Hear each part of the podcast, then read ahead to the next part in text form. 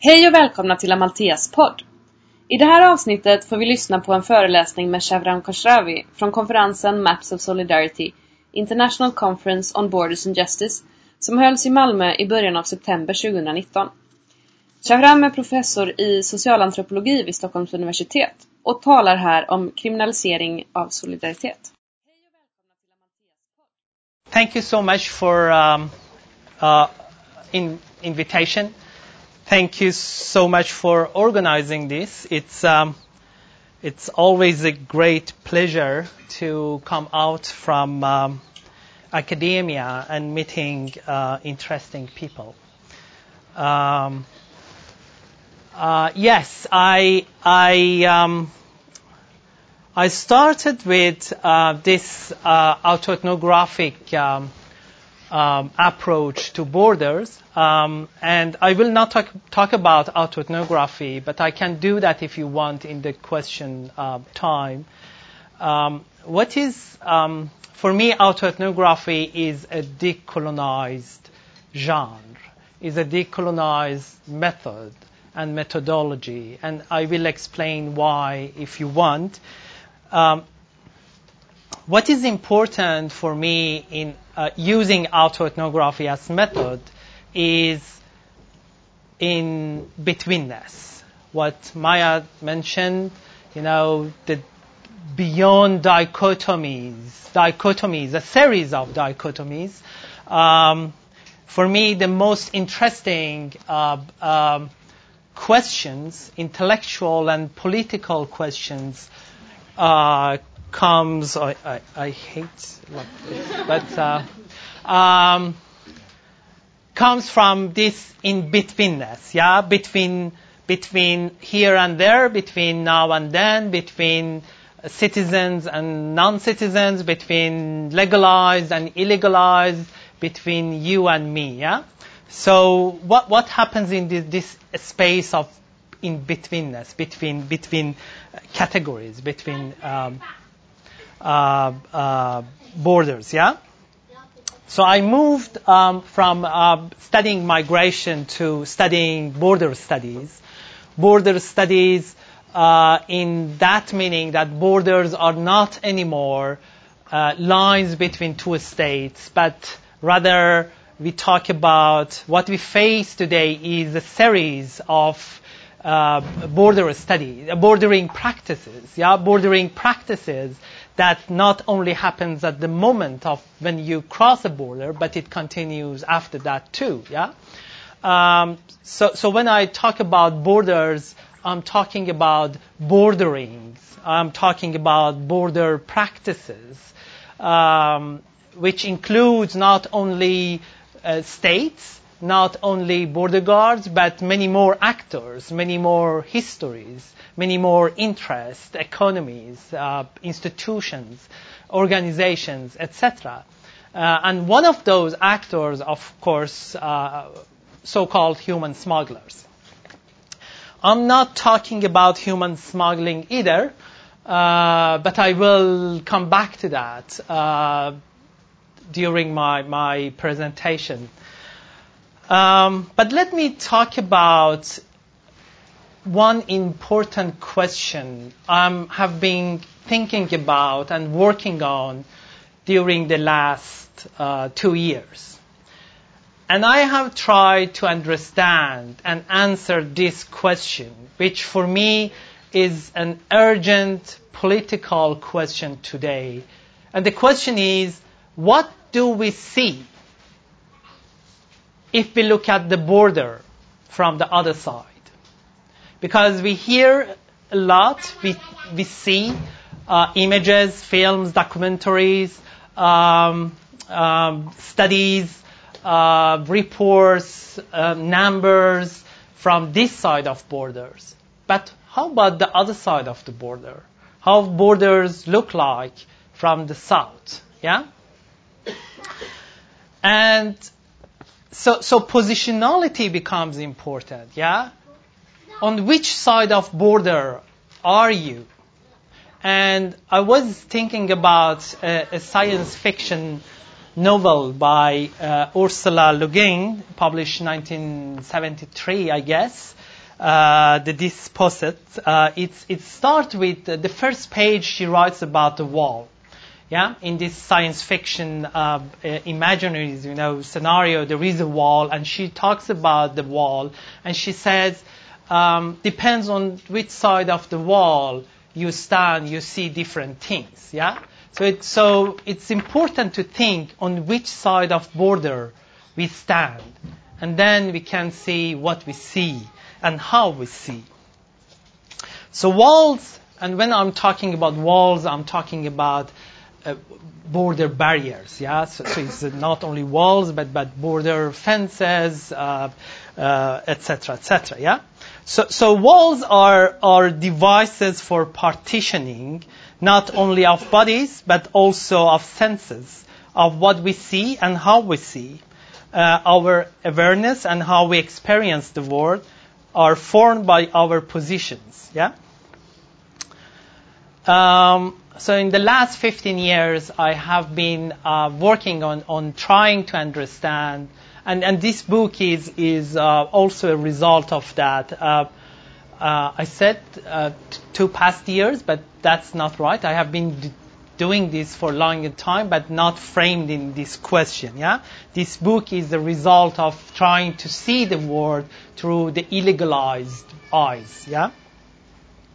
So many years ago, uh, or many decades ago, um, talk about age, in 1987, uh, I was in Karachi. I was uh, in Karachi in South uh, Pakistan, and a dalal, a broker, a migration facilitator, a so-called human smuggler, told me when I was worried about closing borders, about harshing, harsh uh, border controls, he said, "Don't worry, Shahram. They cannot close the doors of the world."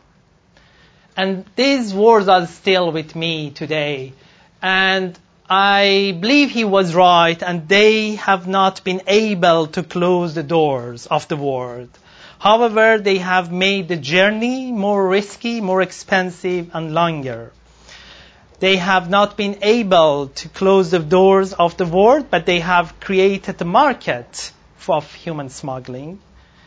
Smugglers, or rather migration facilitators, are the only hope for those who have no other hope.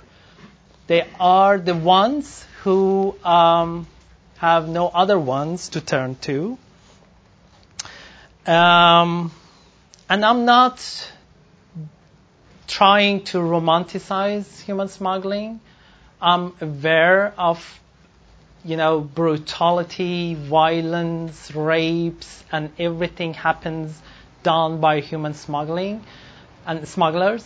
But what I'm trying to, to add is a, a, a new stories we don't hear usually from the mainstream media, yeah, from the states, from uh, academia. So, so, we hear that, and that's correct. Some part of that too, but but let's hear a different story too. So. Um, so another human smuggler told me also a long time ago that uh, he said I issue visa for all those who uh, whose visa applications get rejected. He said he was an autonomous migration agency for those who are rejected by uh, official migration agencies.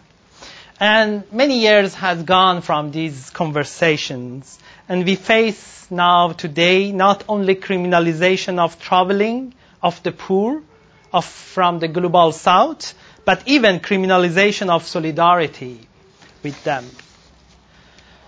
Claire Marceau is 73 years old, a retired teacher in South France. She was uh, arrested, confined, uh, put in uh, detention, uh, punished for helping a 15 years old uh, boy uh, she just transported him in 24 kilometers. Um, she's not only one. According to an article published earlier this year in um, Open Democracy, 250 people in Europe are facing punishment, have been arrested, charged uh, for, for, for helping people in need. So, criminalization of solidarity, criminalization of hospitality, criminalization of kindness, criminalization of giving hope. How could we end up like this? Um, so let me, before this question, t- trying to, to answer this question, or, or in, in trying to answer this question, let me talk about borders more. Uh, walls are not new, they are old. Empires build walls, from Great Wall of China to Hadrian walls in North England to lime lines, you know, uh, the, the empire, uh, Roman Empire in North Africa. They have historically been built to defend empires from so-called barbarians. The current border barriers are built to defend the economic interest of specific units called nation states, to safeguard the welfare of members of these units called citizens. Similar to the old walls, the new border walls indicate the nationalist desire for eternity, built to give the impression of being timeless. However, history shows us that walls are doomed to fall and in many cases to become nothing else than to attract tourists. Paradoxically, to, to attract people who were supposed to keep out of foreigners. We live in a time of wall fetishism. Never as today human beings have been busy with building walls. Um, 1989, the year of um, fall of the Berlin. This year, November, is celebration of 30, 30th celebration of the wall of Berlin. But the question is, what are we celebrating? Today, this year, compared to 30 years ago, five times more border barriers have built. Um, so um, we cannot celebration of falling of walls at all. Um, the borders uh, are very expensive um, to build and to maintain. Yeah, the border between Mexico and United States costs uh, four or five million US dollars per kilometer. The Israeli wall costs between one and two million US dollars. Um, Saudi Arabia uh, invested 20 billion US dollars for building walls against uh, Yemen and, and Iraq. So construction of border walls is a luxury not all states can afford. They are built by rich states against poor people. Borders separate not, uh, two nation states, but also two different ways of experiencing the world. All borders between states are somehow borders between classes. People with money, they don't need to cross borders like that. They don't need either solidarity. They pay 1 million euro and get Maltese citizenship, or 200,000 US dollars and get citizenship in an island in Caribbean, or through investment in business or property in Canada and they can live in Canada uh, and then get citizenship five years later. It is people with no money or less money that are drawing in the Mediterranean Sea there are poor people who go to human smugglers. Migrant solidarity is class solidarity. No, surprisingly, the bloodiest border in the world is one between rich countries and poor countries, between Mexico and, and United States and around Europe. This is Gloria Anzaldua's, uh, the, the uh, Mexican American feminist um, um, um, writer uh, who, who, wrote that. The bloodiest war, war borders are between rich and poor nations. Uh, so, through exposing the transgressors to death, borders are turned into infrastructure of racism, a state-sanctioned racism causing premature death of people. And, and President Trump wants to uh, build new walls. And interestingly, in a time when um, the record of irregular border crossing to United States has never been so low as today.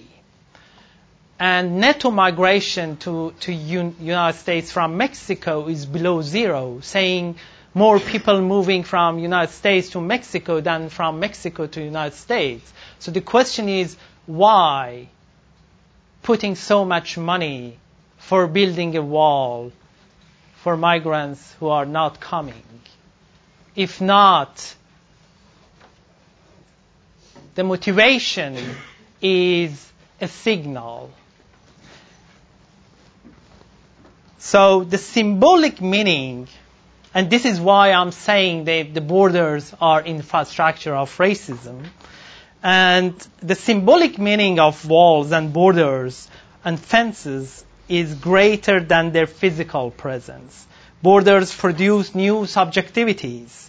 Borders produce new imaginations, images, imaginaries.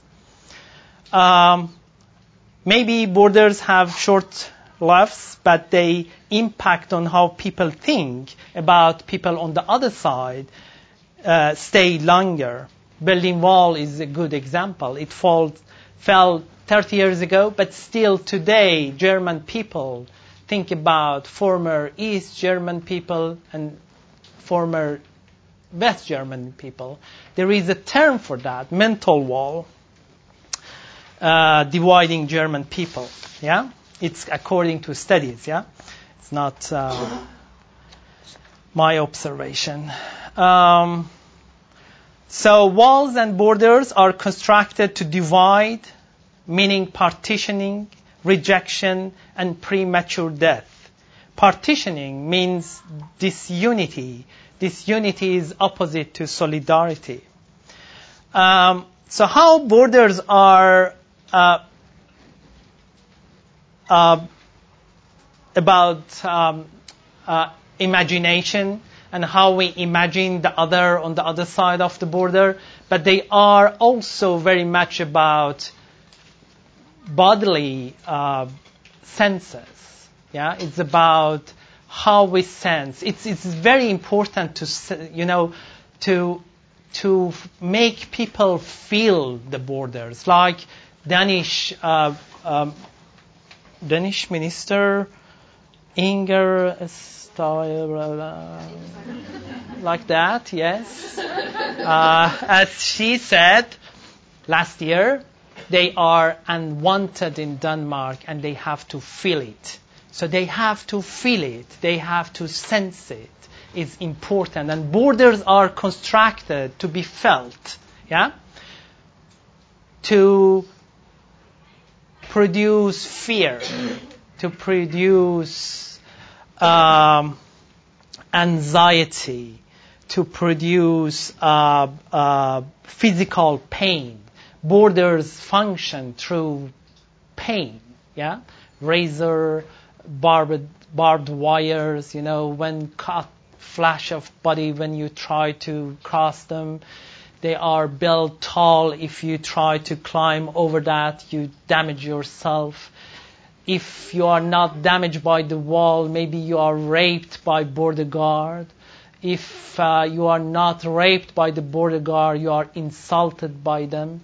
So physical and mental senses of bordering is there. Otherwise, there is no border. If you go to Norway, or I, I, uh, I was going uh, driving around many years ago, and suddenly I realized I was in Norway.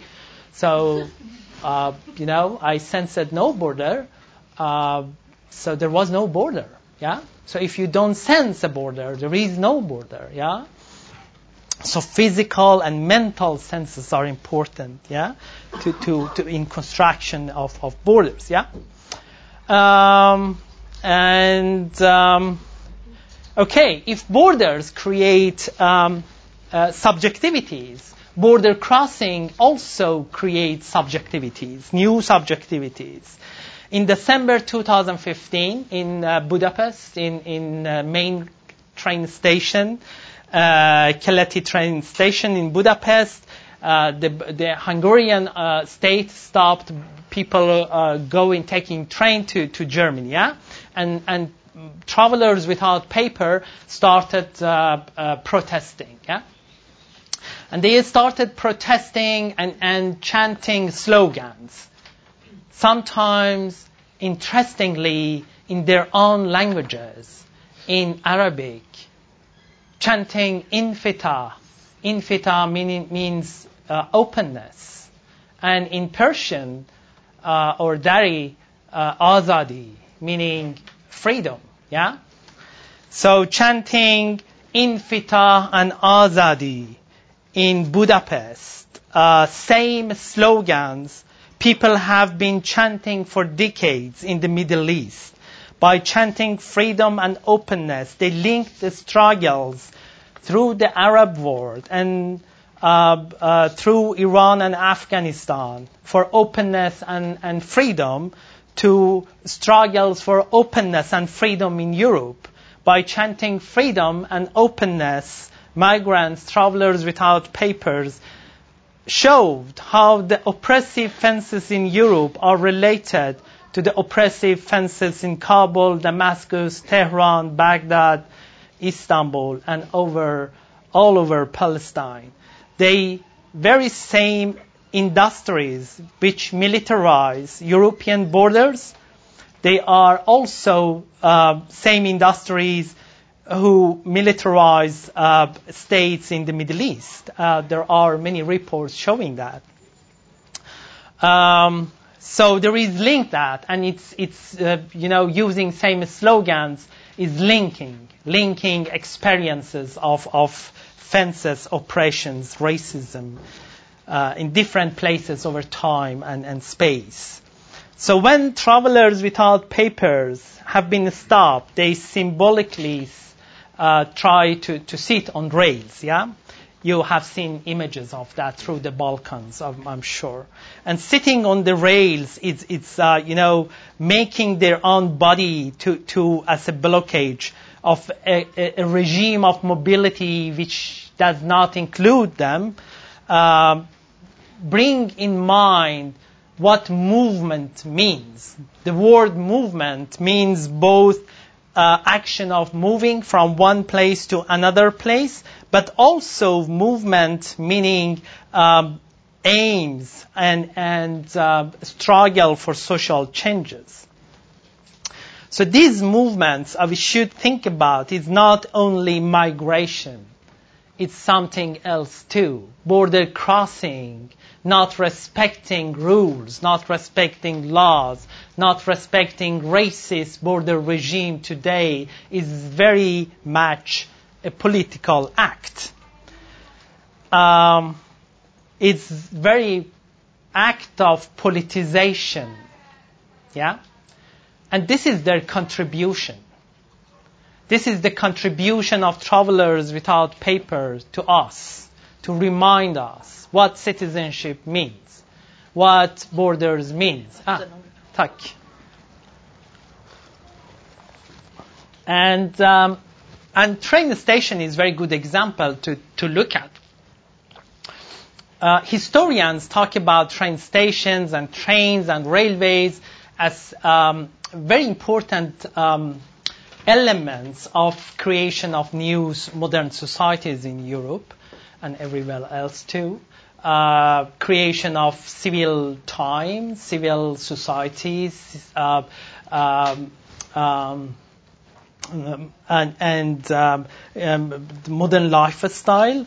Um, it, it, was a place for cities for the same, same time. People gathered to do something together. It was a center. People gathered to to to to exchange, etc., etc. But what happened to our train stations today? They have turned into dehistoricized, depoliticized sites for consumption, something just or corridor to go through them, not staying, not doing anything. But refugee welcome movements and occupation of railway stations by refugees during the long summer of uh, migration, so-called refugee crisis 2015-2016, uh, repoliticized uh, these otherwise depoliticized places. Yeah.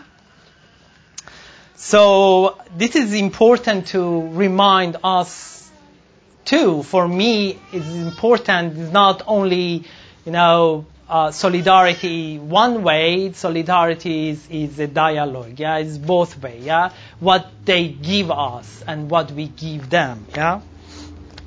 So this is solidarity. Yeah, this is example of unity in practice. Um, uh, is a, is, it's about a radical change, a radical solidarity. It's not only a, a aid giving, uh, a, a, help from uh, powerful people to less powerful people. Um, a, radical history, uh, a radical solidarity is inherently a decolonial solidarity. Um, and and we should think about Sara Ahmed's critique of of care, yeah, that the, in in caregiving there is um, in, in, a, a, power relation, there is a violence, yeah, there is a, a, danger for reproducing hierarchy, there is a danger for othering. So a radical solidarity, a decolonial, decolonial solidarity, a decolonialized solidarity is, uh, is something different, yeah? So let me give you some examples. Um, some years ago, um, I was invited by very uh, famous radio program. I stopped to uh, participating in Swedish media or any other media because I find it uh, useless. But I, I give you, and this one was last one, um, a Konflikt, P1, which is very good one. Um, so it was a program about migration, something like that. So they wanted to record it. It's a, a Konflikt is on Saturday morning, so it, we recorded on Friday the day before. So they decided to go to a Kurdish restaurant in a suburb to Stockholm. So we went there. It was a local restaurant, um, Friday afternoon, many people there uh, from that neighborhood. So they started conversation, recording, etc. After a while, the journalist said, "Ah, there is so much noises. Yeah. Um, can, can ask you to turn off the TV?" So the owner turned off the TV. Young people watching TV, a football match, they left because of us we start continuing conversation recording. After a few minutes, uh, again, she said, ah, there is so much noise. There is a kid playing with ball. So they ask, yeah, can, can you, uh, the, the mother, can you say something to your son not playing with balls? They left too, yeah?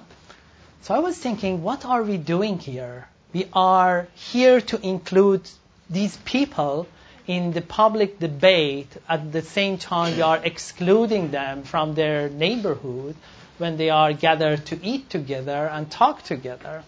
So this violence is there, yeah? Another time, a young, beautiful Kurdish woman uh, um, I knew, and uh, uh, we, we, we, were going to meet um, uh, an activist who was going to help her in her asylum process. Uh, and we went to this uh, activist, and she, very famous one in Sweden, said, What is this? She said to her, You have makeup and you look beautiful. A refugee should not look like this one. So she forced her to go back, change to uh, dirty clothes, or remove makeup, and coming back.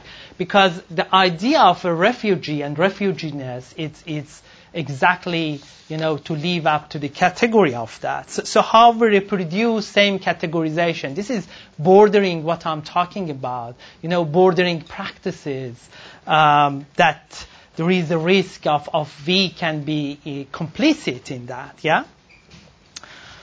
Um, um, And other times that, that in name of feminism, you know, uh, it was, uh, um, you know, talking, not helping, uh, um, that kind of uh, um, moralizing, you know, um, um, and, and, reproducing of boundaries. A decolonial, decolonial solidarity requires self-interrogation through engaging in self-reflexivity. Why do we do? Why do we what we do? Um, this question, keep asking this question, why I'm, where I'm standing, yeah, and why I'm doing this I'm doing. Otherwise, there is a risk in othering in the name of solidarity. Otherwise, risk for complicity in bordering practices. Solidarity in this context is not possible unless decolonized. Uh, so, um, I mean, this is related to, to, of course, to whiteness, to, to what you mentioned. A journalist was arrested for, accused for human smuggling. Um, this journalist never put in prison. This journalist became famous too, yeah? In the same time, a Syrian man put in prison for six months for doing exactly the same thing, yeah? Helping some people crossing or bridge from Denmark to Sweden. So this, who has, who can afford to do these things? Yeah, which body is allowed to stand in solidarity, and which body does not? Interestingly, if you look at the history of railroad. Uh, underground railroad, you know, the, the, the, the, network helping slaves uh, uh, escaping to Canada or Mexico or other states in North. Um, people who helped fugitive slaves were punished differently if they were white or black. White people were punished less. Black people were punished more. Uh, so this this is continuing still today. Yeah. And part of decolonizing, decoloniality, is exactly this historicizing. Yeah? To go back to history and see continuation, the con- continuum of oppression. Yeah? Um,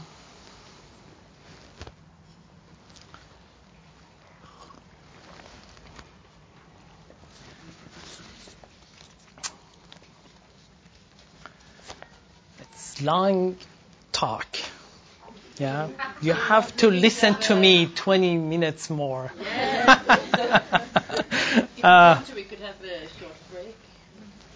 it's up to you. If if it's if you need, I mean, I don't need break, but if it's too hot here, it's up to you. You decide. Uh, it's about. It's until 1:30. Do you think you're gonna talk until 1:30? No, but I can talk to one, and then we have time for conversation and questions. Yeah. So yeah, 20 minutes more. Okay. Uh, good. Okay. Uh, um, yeah. Part of decolonizing um, solidarity is recognition of other solidarities, other traditions, yeah, other histories of solidarities. In a study published last year, I guess, uh, and, and the researchers, they went through hundreds uh, articles. Um, they, they selected hundreds out of 2,000 recent publication, academic publications about solidarity, and uh, they went through hundred of them, and only two of them mention other forms of solidarity than European solidarity or Western solidarity. So how about other histories of solidarity, other traditions of hospitality, other traditions of, of uh, you know, helping each other. Yeah. So part of decolonizing his, uh, solidarity is recognition of other histories, other traditions. Yeah. Um, people who live along the borders, now in the borderlands, uh, uh, using Anzaldua's uh, term. Um, so, so she's, you know, borderland is a place that borders cross people and not people crossing borders. Um, so people have been moving back and forth all the time. It's not about um, uh, something else than living. Yeah. So people help other people to cross borders, sometimes for a small amount of money, sometimes because of ethnic solidarity, as for Baluch people along the border between Iran and Pakistan, or among um, Rashaida tribe in Eritrea, sometimes for religious reasons, such for Buddhist monks uh, who help uh, people escaping from Tibet, escaping from persecution by Chinese authority. They are very good human smugglers. Um, states, um, I mean, Israel did that in the 70s. Huge operation uh, undercover by tourist uh, uh, tourist uh, sites built in Sudan, I guess, helping thousands of Ethiopian Jews out of that area through human smuggling. Yeah, they smuggle these people out. Uh, there is an interesting history. I mean, if you Google that, you can find this, you know, tourist uh, resort they built only for, for smuggling people out. Um, so states do that, and it's okay, uh, but not other people. Sometimes people helping other people to crossing borders for political reasons, like Kurdish militia like uh, Kurdish communist uh, groups who help each other, you know, other people, other Kurds, or other, you know, people to crossing borders to safety. And one of them is Amir Heidari. Yeah?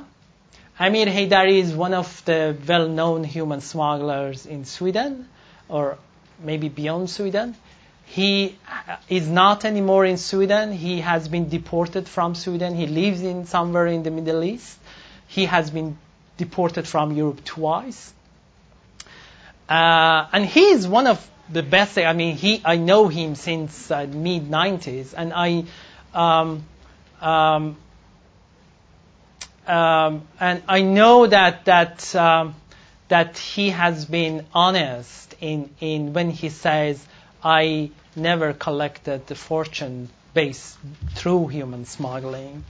Uh, when when I compare him to other human smugglers. So he's an interesting case. I can talk about him later if you want. Um, uh, and I have to, to, to write a biography of him in future. Yeah, it's very interesting life, you know, uh, starting as a, as a guerrilla, you know, uh, uh, communist activist against Iranian state, and then suddenly become uh, a person who facilitates migration of other peoples who need help and ended up in prison in Sweden, etc., etc., yeah? And then deported. So we need to put human smuggling into a larger context, a, a historical, non-European histories and traditions uh, to understand that human smuggling uh, is criminalized. Um, solidarity is criminalized because it doesn't follow the state's interest. Yeah, it doesn't follow the state, the interest of nation states. Uh, um, and huge monies uh, states cannot take taxes from. So, what is difference between what a human smugglers do, getting money and helping a person to come to Sweden from Syria, and Stockholm University taking money to bring people to Sweden. They do exactly the same thing in my eyes. They get money to help people crossing borders. Yeah? So why one is criminalized, illegalized, another one is okay, prized, and, and sanctioned by the states? Uh, so this is only one example. We have so many other examples to think about. This division, what is illegal, what is legal, why this is illegalized and not other, you know, oppression. Um, and let me go to another um, section of this presentation, which is about hope. Um, for me, human smuggling is about giving hope. And when I was crossing border between Iran and Afghanistan ages ago, three decades ago, yes, and now more than that, uh, 87, um, hiking in the middle of nowhere uh, in night, um, scared to be shot anytime by border guards um, or by bandits or by other militia groups in the region. Tired, thirsty, hungry. I, I was very young, um, young boy, um, and um, full of fear um, the young man who helped me, a young, um, very nice, kind Afghan man uh, who helped me to cross that border. Uh, he kept telling me, Shahram, only a little more. Shahram, just behind this corner. Shahram, just after this valley, after that rock, etc. He just tried to keep me hopeful, not to give up. And we kept going for longer and longer. So why not seeing them as hope givers? People who offer new openings in dark times for those who have no other one to turn to. I don't, again, I'm not trying to romanticize human smuggling, but just trying another, adding an, uh, another dimension to that. So hope is important here. Solidarity as hope, human smuggling as hope. And I'm thinking about the Marxist philosopher Ernst Bloch, who, uh, a, a, German Jew, who um, during another dark time, uh, not a long time ago in Europe, wrote about hope. And for him, daydreaming, uh, imagination, uh, dreaming for a better world was not a passive fantasy, was very active, engaging, a mobilization for a time, for a time not yet, for a not yet world. Yeah? So, for a better future. For Bloch, dreaming, daydreaming, um, it, it was very uh, anticipatory uh, act that included engagement and transformation. So um, this collective, when it comes collective, it becomes collective, collective dreaming, collective hope. It became so powerful. It became powerful and and engendered uh, actions like caravans, marching, walking through the Central America, or like all these people who walked through the Balkans 2015, 2016, or anti-deportation and no border movements. Uh, hope is there. Hope is what we need in dark time. When we are facing premature death everywhere we turn our eyes. So, and it, it's, it's a, a, resistance against a, an equal distribution of hope and risk, yeah? Which is characteristic for dark time, yeah? As Kafka said, there is hope, but not for us, yeah? There is hope, but not for us. There is hope, but not for us. It's saying that hope and distribution of hope is a political question, not distributed equally for everyone. So the right to hope is a political right, like other rights, right to the city, right to work, right to life. So we should add, we should demand to United Nations to add this right to the, to, to the list of other rights, right to hope. Okay, we sign under that later. Okay, um, so so a right to hope is a right and hope for anticipate an anticipation for something not yet but still to happen toward emancipation from predicament of waiting in camps behind walls emancipa- emancipation from the condition of stuckedness and enforced endurance of undocumentedness. Criminalization of solidarity is criminalization of civility. Civility is a social relation which involves intersubjectivity, interdependence, and mutual respect towards a common goal. Civility is basic virtue of social life Without it, there is no civil society. Without it, there is no civilization. In absence of civility, we face disunity, partition, loneliness. And loneliness is here not, not loneliness as I'm alone in, you know, I'm high, as I'm no have partner. No, this is political loneliness. Hannah Arendt wrote it. And Hannah Arendt meant that totalitarianism is possible because of loneliness, because of partition. Yeah?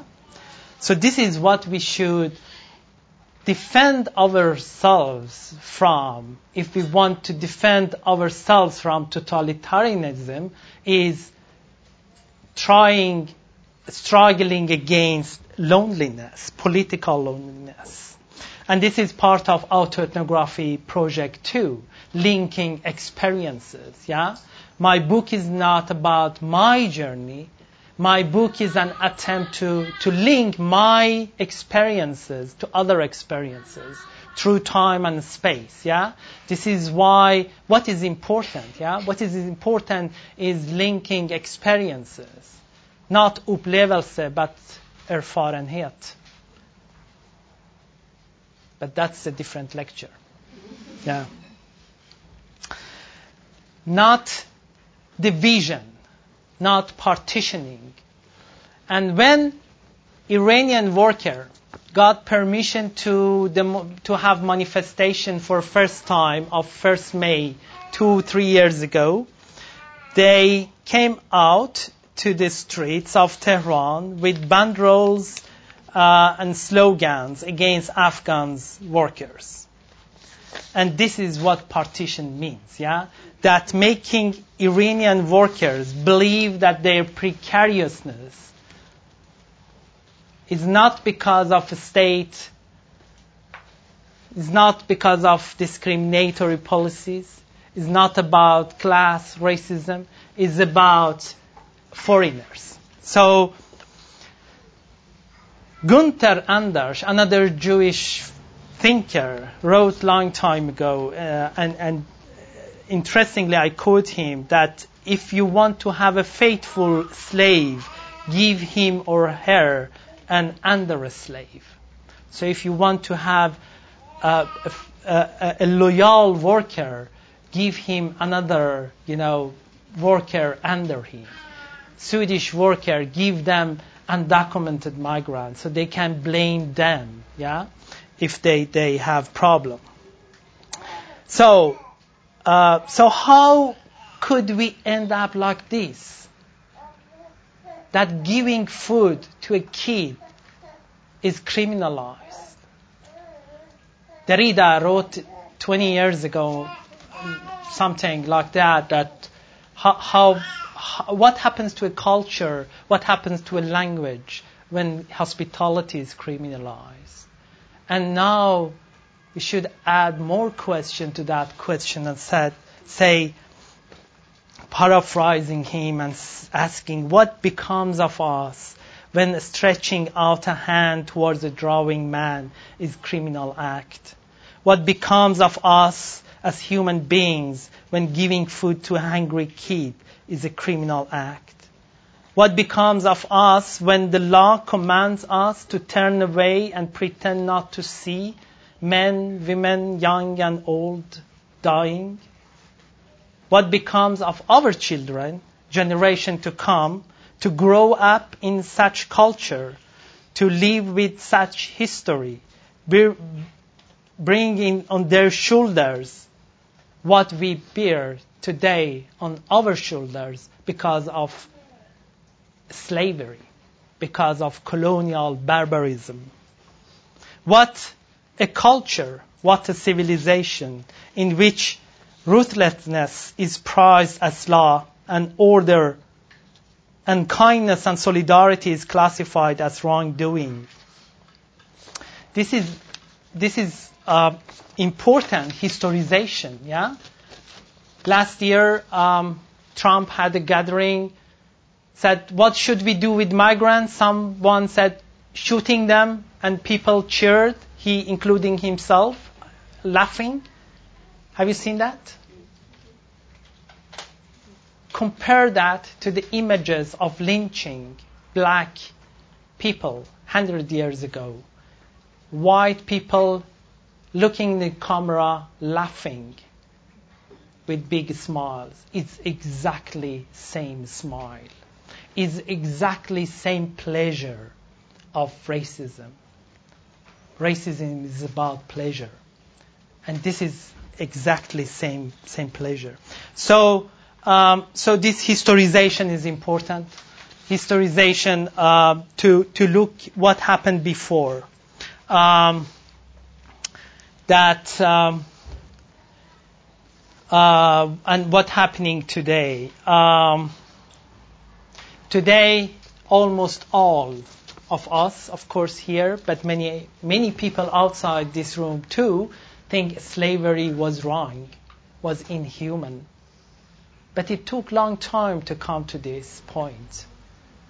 Hundred years from now, people will look back to us, to this time, and think, how could they, us, yeah, how could they, how could they stand out with this, that people are dying every day because of our borders, yeah? How could they? How could we? Um, so, so looking back, looking back to history and see what we are, what we think about, and imagine our children looking back at us and what they think about us. Um, so we need the radical historization in order to denaturalize and politicize and otherwise naturalize and depoliticize border regime. And this is what I have tried to do here to bring, I mean, looking at borders like uh, uh, more than lines between states. Um, that refers to more than more actors, more than states, including act, uh, you know, practices, economies, and histories. Um, and